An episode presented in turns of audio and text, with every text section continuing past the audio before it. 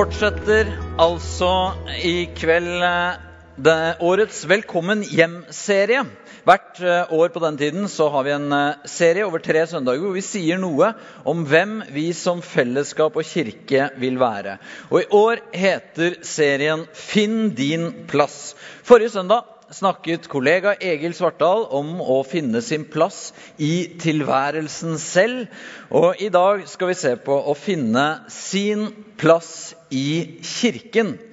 Neste søndag vil Siri Noak Øen se på å finne sin plass hos Gud. Disse søndagene her så anbefaler vi boken av pastorkollega i Gøteborg Thomas Sjødin, som har skrevet boken 'Den som finner sin plass, tar ingen annens', som du kan få kjøpt nede i Barat-kafeen der hvor du kom inn. Utgangspunktet både for denne boken og denne serien er jo det grunnleggende spørsmålet som alle mennesker stiller seg. Er jeg på plass i livet?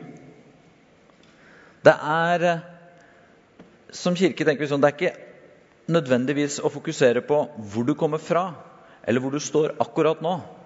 Men vårt fokus er hvor er vi på vei nå? Hvis du tenker livet ditt ett år frem eller ti år frem i tid, hvem er du da? Hvordan ser omgivelsene rundt deg ut? Hvem er vennene dine? Familien din? Hva i meg er det som det vokser og blir mer av, og hva blir det mindre av? Så jeg har tenkt å følge følgende progresjon gjennom fire spørsmål. Først raskt hva er Kirken? Deretter skal vi se litt mer på hvem passer egentlig i Kirken? Hvorfor finne sin plass i Kirken? Og til slutt hvordan finne sin plass i Kirken. Men skal vi begynne med at vi ber sammen. Far i himmelen, tusen takk for at akkurat vi får leve og være til og være akkurat her denne kvelden. Nå ber vi Gud at uh, du med din Hellige Ånd må hviske til hjertene våre, sånn at vi får se og forstå og får være gode forvaltere av denne tiden som vi har, og disse ressursene og kreftene og dette livet som er i hendene våre akkurat nå. Amen. Vi begynner med hva er Kirken? Spørsmålet det vokser stadig på meg, så det kunne vi sagt veldig mye om. Men hvis du tar det helt banalt, da, hvis du spør fem stykker på gata tilfeldige hva en kirke er, så vil de si det er en bygning hvor man leser Bibelen. Men hvis jeg sier at kirken de første 300 årene, da kirken hadde sin viktigste sånn formingsfase, og hvor den vokste mest av, av, hele kirkehistorien, så hadde den ingen bygninger, og den hadde ikke en samlet bibel. Hva er det som gjør en kirke da? Den gamle amerikanske talkshow-kongen Larry King, som nå er pensjonert, han ble en gang spurt hvis du kunne velge i hele menneskehetens historie ett intervjuobjekt, hvem hadde du valgt da? Jesus Kristus, svarte han kontant. Hva ville en skeptisk jøde som King spurt Jesus om? Ett spørsmål ville vært det viktigste for King. Han sa, 'Jeg skulle gjerne spurt om han virkelig ble født av en jomfru.' For svaret på det spørsmålet ville definere historien for meg. King forsto at det største som noen gang kan ha skjedd i menneskehetens historie, det er hvis det er sant at den Gud som alle mennesker alltid har sett opp mot himmelen og søkt om er der og fins, faktisk har kommet hit. Og om Gud en gang gjorde spranget fra dette uforgjengelige, hellige, opphøyde og ned til jord, til pust, hud, varme, til et lite menneskebarn, helt avhengig av kroppen til en tenåringsjente. King forsto hvis Maria var jomfru da hun fikk han, så har det faktisk skjedd. Da er Gud i vår verden. Det er jo dette vi i teologien kaller inkarnasjonen. At Gud ble en av oss. Og kirken den bygger på dette mysteriet her. For kirken er ikke et tilfeldig fellesskap av folk som ser alt likt, som aldri tviler eller krangler. Kirken er et høyst ufullkomment fellesskap av mennesker rundt Jesus Kristus. Hans budskap, men enda mer enn budskapet hans, hans konkrete nærvær i vår verden, som han lovet det selv. For hvor to eller tre er samlet i mitt navn.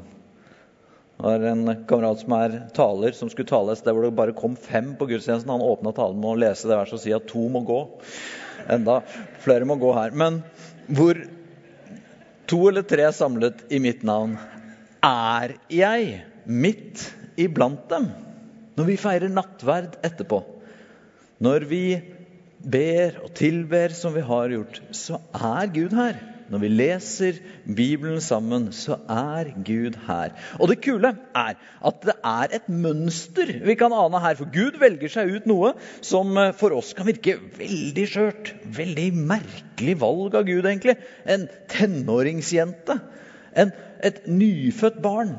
Et veldig ufullkomment fellesskap som dette, med masse rom for menneskelig svakhet og blindsoner, for gjennom noe som er så lite å sende sitt eget guddommelige nærvær.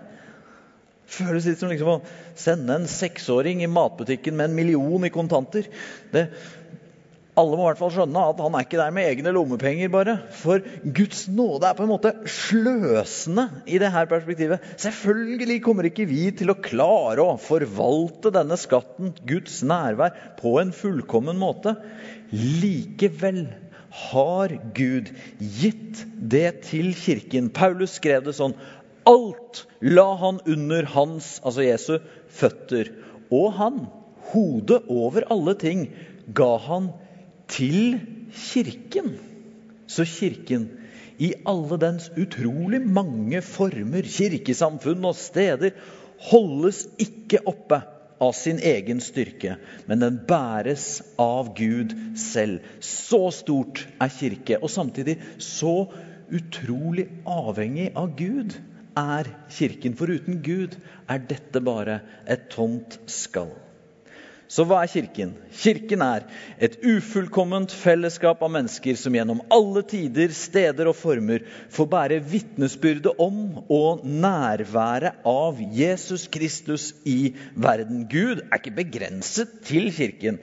Gud er overalt, men han har lovet sitt eget nærvær gjennom fellesskapet av troende og de hellige handlingene som Kirken alltid har gjort sammen. Bedt, lest Bibel, feiret nattverd døpt og tilbedt Gud sammen.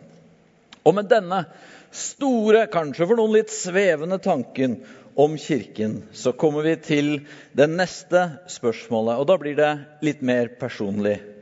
Når Kirken er dette store mysteriet av Guds eget nærvær, og utgangspunktet i dag er oppfordringen 'finn din plass', da blir jo spørsmålet hvem passer egentlig inn i Kirken?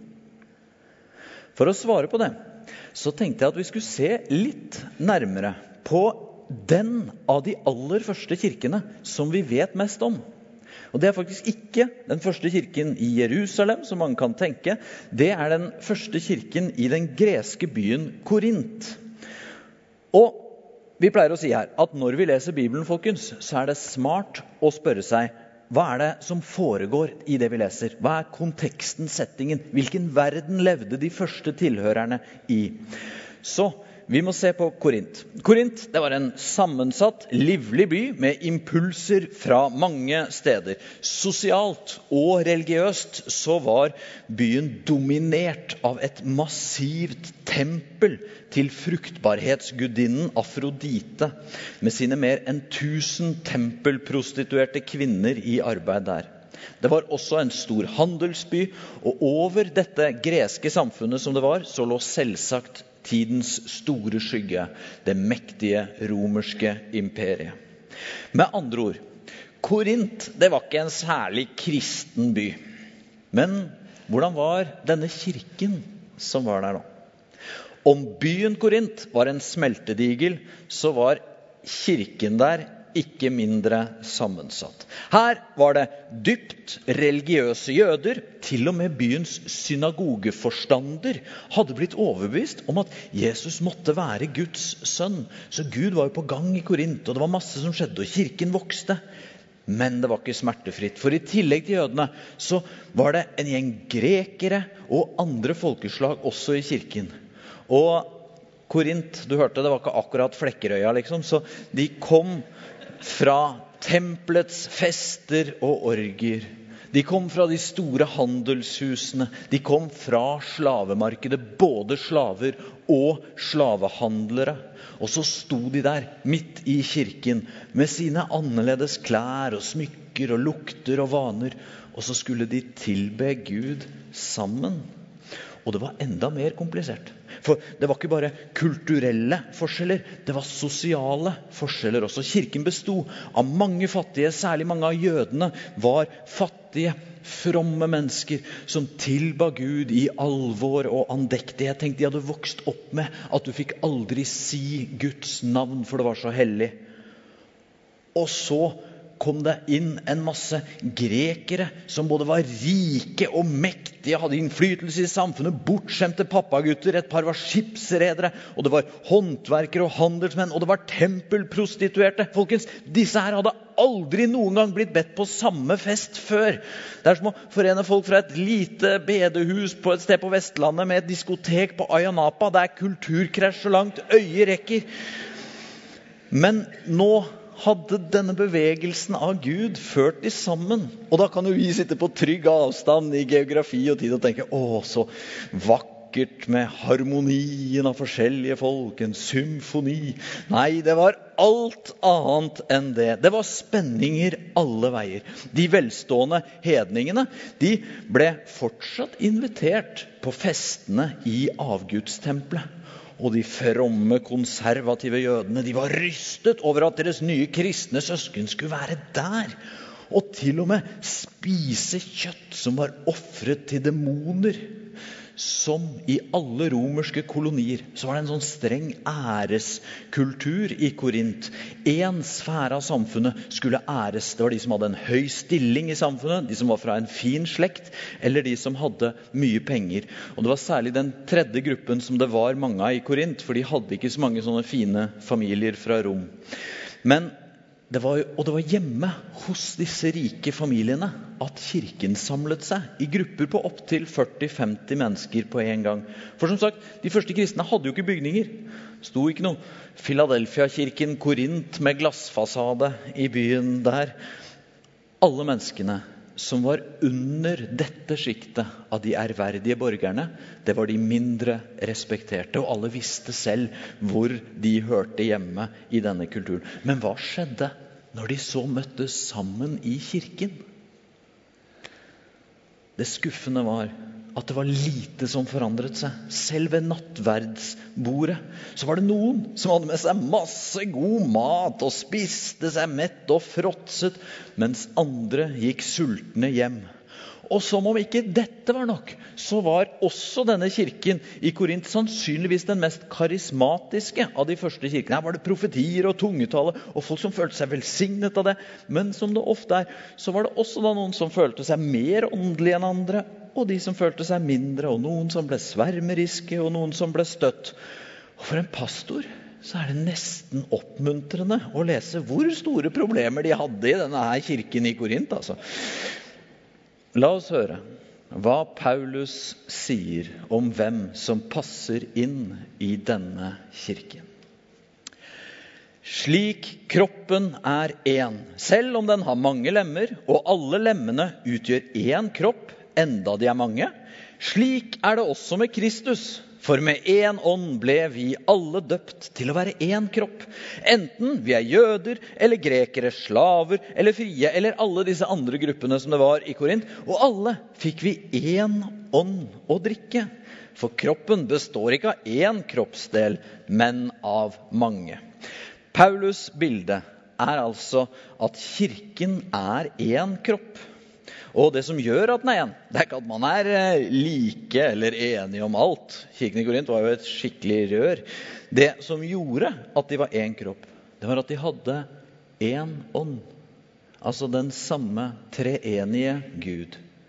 Men ikke sånn å forstå at vi mennesker fornemmer, aner, forstår Gud helt likt. Nei, noen er jo sikre og kontante, og andre er usikre og spørrende. Noen ber høyt, og noen ber stille, og noen jubler, og noen gråter. Men det er samme ånd, samme Gud.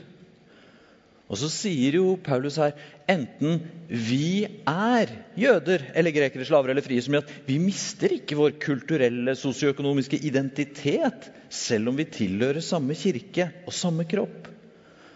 Ok, så vi er forskjellige. Men hvor forskjellige kan man da være i en kirke? La oss høre hva Paulus sier videre. Om nå foten sier 'fordi jeg ikke er hånd', Hører jeg ikke med til kroppen, så er den like fullt en del av den. Om øret sier 'fordi jeg ikke er øye, så hører ikke jeg med til kroppen', så er det like fullt en del av den. Hvis hele kroppen var øye, hvor ble det da hørselen? Og hvis det hele var hørsel, hvor ble det da luktesansen? Men nå har Gud gitt hvert enkelt lem sin plass på kroppen, slik han ville det. Hvis det hele var én kroppsdel, hvor ble det da kroppen? Men nå er det mange kroppsdeler, men bare én kropp. Som pastor så møter jeg denne lengselen. Skulle ønske at jeg var annerledes. Skulle ønske jeg var sånn som de andre som har så lett for det. Skulle ønske jeg var sånn som de, hvor ting bare flyter.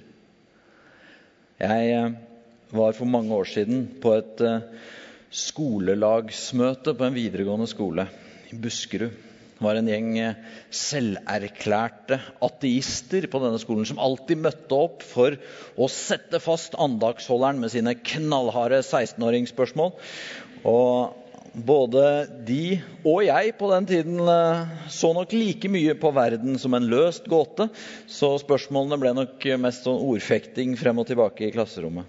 Etterpå, når samlingen var over, så kom en jente fra skolelaget til meg og fortalte at hun følte seg så dårlig som kristen. For hun, hun skjønte aldri hva hun skulle svare på disse spørsmålene til den gjengen. Jeg prøvde å oppmuntre at det fantes mange andre viktigere ting enn sånne diskusjoner. Og så gikk jeg til bilen. Og på veien så var det en fra den ateistgjengen som fulgte etter meg. Og sa at hun hadde ikke noe tillit til noe av det jeg hadde sagt. Hun kjente ikke meg og sånn. Og jeg skulle til å takke ironisk for komplimentet da hun pekte over skolegården på hun jenta fra laget. Og som, hun da, som jeg hadde snakket med først. Og så sa hun Men den Jesus som hun tror på, kommer ikke jeg unna. Og hele bilturen hjem så tenkte jeg på det. Så lett det er å si at siden ikke jeg er øye, så er det ikke plass til meg. Siden jeg ikke er så smart som henne, siden ikke jeg kan be som han, får så pene barn som de, eller er så rik som han, så passer ikke jeg inn. Legg merke til at Paulus ikke i første omgang her argumenterer mot å definere andre ut, men mot å definere meg selv ut. Om nå foten sier 'fordi jeg ikke er hånd', fordi jeg ikke kan synge som, fordi jeg ikke kan be som, fordi jeg ikke klarer å tro sånn som de sier, de som står på talerstolen, så er foten like fullt en del av kroppen. Og hør her, ikke bare fordi det er en hyggelig tanke med variasjon, eller at det er akseptabelt at du er her. Nei, det er en usunn og rar kropp om alt er øye. Og hvis alle i en kirke det er veldig oppsiktsvekkende anatomi her. Hvis alle i en kirke var som Andreas Hegertun, så spør jeg kollega Hanne Ovidia. Det hadde blitt mange anekdoter og lite handling, skal jeg si det. Eh, jo da, en kirke formes selvfølgelig av de som er der. Og det vil være en kultur, en tone, et uttrykk som er smalere enn summen av alle kirker. Men idealet står fast, for det er hva vi er. Vi er én kropp med mange kroppsdeler. Og ingen av kroppsdelene må si til seg selv at de ikke passer. Så snur Paulus bildet rundt og strammer ytterligere til. Øyet kan ikke si til hånden 'Jeg trenger deg ikke'. Eller hodet til føttene. Jeg har ikke bruk for dere.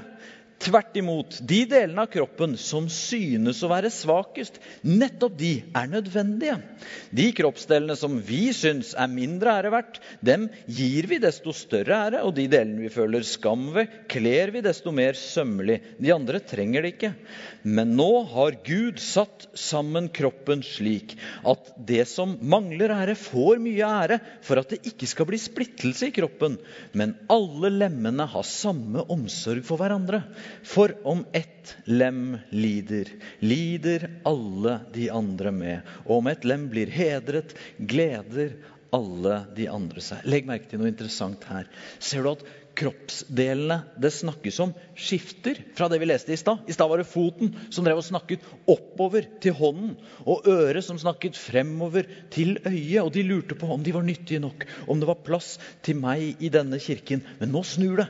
Nå er det øyet som snakker nedover til hånden, og det er hodet som snakker nedover til føttene. Og hva er det disse ovenfra har å si?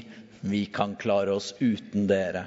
Jeg har ikke bruk for deg da den legendariske romerske generalen Marcus Agrippa. Skulle forklare hvorfor alle andre folkeslag skulle underordne seg under han og Romerriket, så brukte han kroppen som eksempel, han også. For du vet, skal du drive og okkupere andre folkeslag, så er det jo alltid greit å ha noen gjennomtenkte talepunkter å komme med. Litt pedagogiske bilder som forklarer hvorfor du har rett til å komme og ta de. Så Agrippa sa det er som en kropp, dette her. De svakere kroppsdelene skal underordne seg under de sterkere. Hånden, munnen og føttene skal derfor ikke gjøre opprør mot magen, sa Agrippa. Magen, det var selvfølgelig da romerne. Tenker du ofte sånn om kroppen din at eh, munnen representerer en sånn laverestående folkegruppe, og magen er den herskende? Kjenner skjorta stramme, liksom, men magen sier mer mat, så hånden må bare adlyde. Metaforen om kroppen er altså ikke ny med Paulus, men han bruker den her på en helt ny måte når han snakker om hvem som passer i kirken. For verden rundt oss og vårt eget instinkt tenker som Agrippa. Noen er likere enn andre, noen er viktigere. Noen får alltid oppmerksomheten og øynene, andre blir glemt. Det skjer i alle sammenhenger, også i kirken. Noen får oppmerksomheten og æren, mens andre er mindre synlige. Så har Agrippa rett. Nei. Paulus bruker det samme argumentet, men helt motsatt vei. Han ber innstendig de sterke kroppsdelene vise mer respekt og ære de svakeste. For på den måten kan kroppen holdes sammen. Ikke ved at de svakeste i blind lydighet underordner seg, som krigeren Agrippa mente, men ved at de sterkeste bøyer seg for det var de sterkeste som trengte å formanes i Korint, og kanskje i Oslo også, for de kan fristes til å si 'Jeg trenger ikke deg'. Vi er mer åndelige, vi. Eller vi er ikke så svermeriske. Du passer ikke inn. Så i lys av denne teksten hos Paulus hvem passer egentlig inn i kirken? La meg prøve å gi noen konkrete eksempler. Du som er her, som alltid har trodd så mye på Gud, at skal du være ærlig, så kan du likså godt si at du vet. Du syns ikke Bibelen er særlig vanskelig. Du er trygg på at du skal til himmelen når du dør. Du gleder deg til Jesus kommer tilbake. Du er ikke den som roper meningen din overalt, men du er som en klippe langs stien ved sjøen. Man vet hvor man har deg, og skulle man ende i ruskevær, så er det trygt å stå under deg. Du hører til og er ønsket i denne kroppen. Så er det du som også er her i dag, som ikke klarer å si om deg selv at du er kristen, uten å kjenne at du får tjukk hals. Det hjelper ikke at halve Norge sier vi er det. Du syns det er for store ord. Kanskje kunne du si det før, men så har ordene gått i stykker. Hva betyr de ordene etter det du har opplevd? Men det er noe med Jesus som du ikke kan slippe. Så på gode dager så kommer du, og så tar du imot nattverd. Og på dårlige så er du helt andre steder enn her. Du hører til og er ønsket på denne kroppen. Du er også her, du som alltid forteller alle at du er kristen. Du smiler bredt og sier at du kan ikke forstå hvordan noen kan si nei til Gud, for han er jo bare god. Du har aldri sett poenget med å engasjere deg i diskusjoner. Det fører ikke noe godt med seg. Du løfter alltid hendene når vi synger lovsanger og håper at Andreas Hegertun skal tale kortere. Du hører til, og du er ønsket på denne kroppen. Og så er du her som syns det er helt feil å skulle påstå at vi har alle svarene. Du sier det fins gode mennesker med alle slags trosbekjennelser. Og du tenker at sånn var Jesus også. Du syns det viktigste er at vi er gode mot hverandre. Du hører også til og er ønsket på denne kroppen. Du er her som har blitt krenket, brukt og som slåss med å finne tilbake til livet ditt. Du hører til og er ønsket på denne kroppen. Du er her som har krenket, brukt og ødelagt så mye. Du som sliter med en avhengighet som du av og til hater, og som av og til er din beste venn. Du hører til og er ønsket på denne kroppen. Du som er rik, du som er student eller fattig av andre grunner. Du som eh, stadig syns du fornemmer Guds stemme, opplever Guds ild inni deg. Og du som aldri har fornemmet, følt eller opplevd den minste ting. Du som er syk eller har noen nær deg som er det, som tar alle kreftene dine. Og du som har gått deg bort i livet ditt og vet at du har det. Du hører til og er ønsket på denne kroppen. Og du som ikke kjente deg igjen i noe av dette eller alt dette, du hører også til. For vi er én kropp, holdt sammen av hodet, som er Jesus Kristus, og Hans nåde alene mot oss. Så hvem passer egentlig i kirken? Egentlig passer alle inn. Alle som skulle ønske at de ønsket og ville følge Jesus Kristus. Da kommer vi til det tredje spørsmålet. Hvorfor finne sin plass i kirken. Pastor, seriøst, hvorfor skal jeg finne min plass i kirken? Hva er det Kirken har å tilby meg når jeg sitter en søndag ettermiddag og stiller spørsmål? Hva får jeg mest ut av i dag? Det er ikke sikkert at kirke kommer på førsteplass, for å si det mildt. Det kan være en sykkeltur, kafé eller Netflix, pastor. Hva da? Det kan hende at det mest utfordrende med teksten vi har lest nå, egentlig er selve hovedtanken i teksten.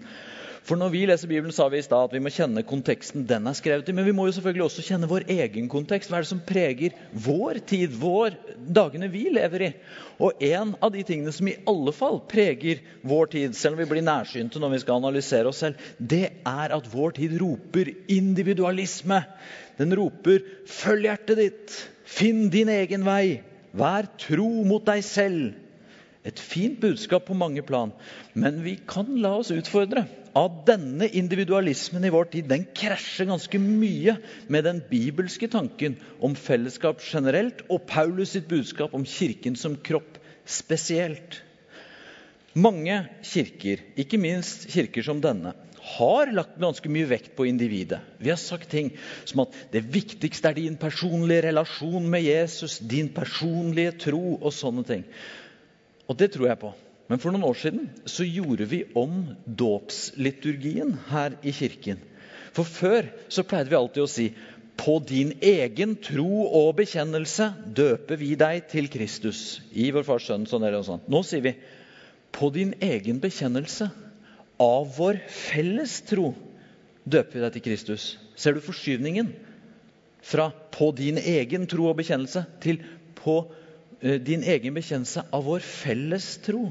Det er selvfølgelig vi som individer selvstendig, med selvstendig vilje som bekjenner, men troen er ikke min alene. Troen er vår. Vår som i denne kirken, men også vår som i felles med alle kirker i verden og gjennom historien. Derfor er det noe veldig rart sorry hvis noen blir støtt nå, men det er noe veldig rart med holdningen som jeg av og til hører. At man sier altså jeg vet jo hva jeg tror på. Jeg trenger ikke å drive og gå i kirken for å høre det om igjen. For Paulus og de første kristne så ville det vært en utenkelig tanke å si at man skal være kristen alene. Og Særlig til deg som er ny i Oslo, og som har vært i en kirke et annet sted hvor du var en tett del av et fellesskap, og her flyter ting mer ut? Ikke tenk som en sånn kunde, fordi vi er ment å høre sammen. Forfatter C.S. Lewis har en beskrivelse av småfellesskapet sitt som jeg syns er så vakker på det punktet her. De var tre venner som i mange år møttes og delte troen sammen. Louis selv, Ronald Tolkien og Charles Williams. Og da denne Charles døde, så skrev Louis vakkert. Heng på det her. I hver av mine venner er det sider som bare en annen av vennene mine kan få frem. Jeg trenger på en måte andre lys enn mitt eget for å få frem alle fasettene. Nå som Charles er død, vil jeg ikke igjen se Ronald altså Tolkiens reaksjon på en typisk Charles-bøk. Jeg får jo ikke da mer av Ronald nå som jeg ikke må dele han med Charles. Langt ifra. Jeg får mindre av Ronald. For nå får jeg ikke se de sidene ved Ronald som bare Charles fikk frem. Hva sier Louis her? Han får altså mindre av vennen sin Ronald når han ikke må dele Ronald med Charles. For det var bare Charles som fikk frem noen av sidene ved Ronald som Louis ikke ville om. Charles var sikkert mye morsommere. Og sånn er Kirken. Vi ser mer av Gud fordi vi ser sammen. Er ikke det en fin tanke?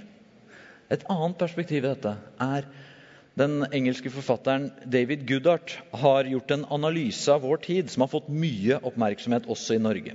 Han sier at man kan dele befolkningen i vestlige land i to kategorier somewheres og anywheres stedbundne og mobile, kan vi kanskje oversette med. Han sier at de stedbundne, somewherene, de er ofte folk fra små steder med lav utdannelse, lav sosial og økonomisk mobilitet. Og de føler at utviklingen i samfunnet går gal vei. De frykter fremtiden, endringer, tap av tradisjoner og identitet. I motsetning til det Goodart kaller de mobile anywheres. Det er den urbane eliten. Det er de som ikke frykter fremtiden, som raskt kan endre seg. De har ikke sin identitet i sin kultur eller hvor de bor, eh, men de har i hva de selv har oppnådd. Noe av Goodhards poeng her er at de stedbundne de føler seg oversett, overkjørt av de mobile. og Derfor protesterer de med folkelige protestbevegelser som vi har sett mange steder i den vestlige verden de siste årene. Det er mye om dette som ikke angår temaet vi nå skal si. Men når jeg har lest om det, så har jeg i all beskjedenhet tenkt at Kirken er et svar her. Fordi Kirken er global. Den er alle steder. Og den bærer budskapet om at Kristus er Herre. Så vi trenger ikke å frykte tiden eller fremtiden. Kirken den gir kontinuitet og tradisjon og er samtidig inkluderende for mennesker med alle slags bakgrunner. Så hvorfor finne sin plass i Kirken? Fordi kristen tro aldri var ment å være et individualistisk prosjekt. Vi er skapt til fellesskap, og sammen ser vi mye mer. Sammen i denne lokale kirken, sammen med andre kristne i verden og i historien. Kirken gir tilhørighet, identitet, samtidig som når den fungerer som den skal, inkludere på tvers av forskjeller. Til slutt hvordan finne min plass i kirken? hvis du ser at Kirken er stedet for Guds nærvær i verden, at Kirken er båret av Kristus. Hvis du ser at den er tenkt som én kropp der alle er ønsket og behøvd, og du ser at ingen er ment å være kristen alene, da kan du trygt plante deg selv, lande i kirken. Det behøver selvfølgelig ikke å være akkurat denne kirken, for all del, men ikke vær en anywhere i forhold til Kirken. Bli en del av den. Chris Michael sa i stad at vi i praksis i denne kirken anbefaler at man lener seg inn i fellesskapet i tre former. Det store fellesskapet her kan være flott en stund, men vi tror at alene så, treng, så, er ikke det nok. For vi trenger å bli en del av et lite fellesskap også, og vi trenger å få være med og gi av oss selv. Jesus sa det er den største gleden. Så selv om jeg, alle som kjenner meg, vet at jeg er ganske sånn optimistisk på mange ting Jeg syns verden stadig går fremover. Jeg aner likevel en hjemløshet i vår tid. En søken etter tilhørighet, hvile, trygghet. Leste Aftenposten i morges refererer bokanmelder Hilde Østby i en helt annen sammenheng, men til det faktum at det nå er vist mange ganger gjennom forskning at religiøs tilhørighet er sunt for mennesker. Ja, jeg vet. Kirken har ofte vært for trang. Kirken har ofte vært for ensidig, ofte vært for uklar, ofte vært for kald. Likevel er den Guds plan, og den er så mye mer enn dens aktiviteter. Den er Guds kirke i verden. Den bærer Guds nærvær. Og jeg ønsker så gjerne for oss alle at vi finner vår plass i den. For da har du en base. Du kan reise mange steder i livet. Men du kan alltid vite at du kan komme hjem i kirken. Og det behøver ikke være denne lokale kirken, men i kirken med stor K. Skal vi be sammen? Far i himmelen. Takk for at du har skapt oss til fellesskap, til tross for at vi så mange ganger eh, sårer hverandre og gjør feil i fellesskap. Tusen takk for Kirken. At til tross for alle ganger vi har klart å få Kirken rar og trang, og alt vi har gjort gærent med den, så har du båret din kirke gjennom historien. Og Vi takker og hyller deg for det. Og vi ber om at eh, vi alle må få være koblet på ditt fellesskap og ditt rike. Amen.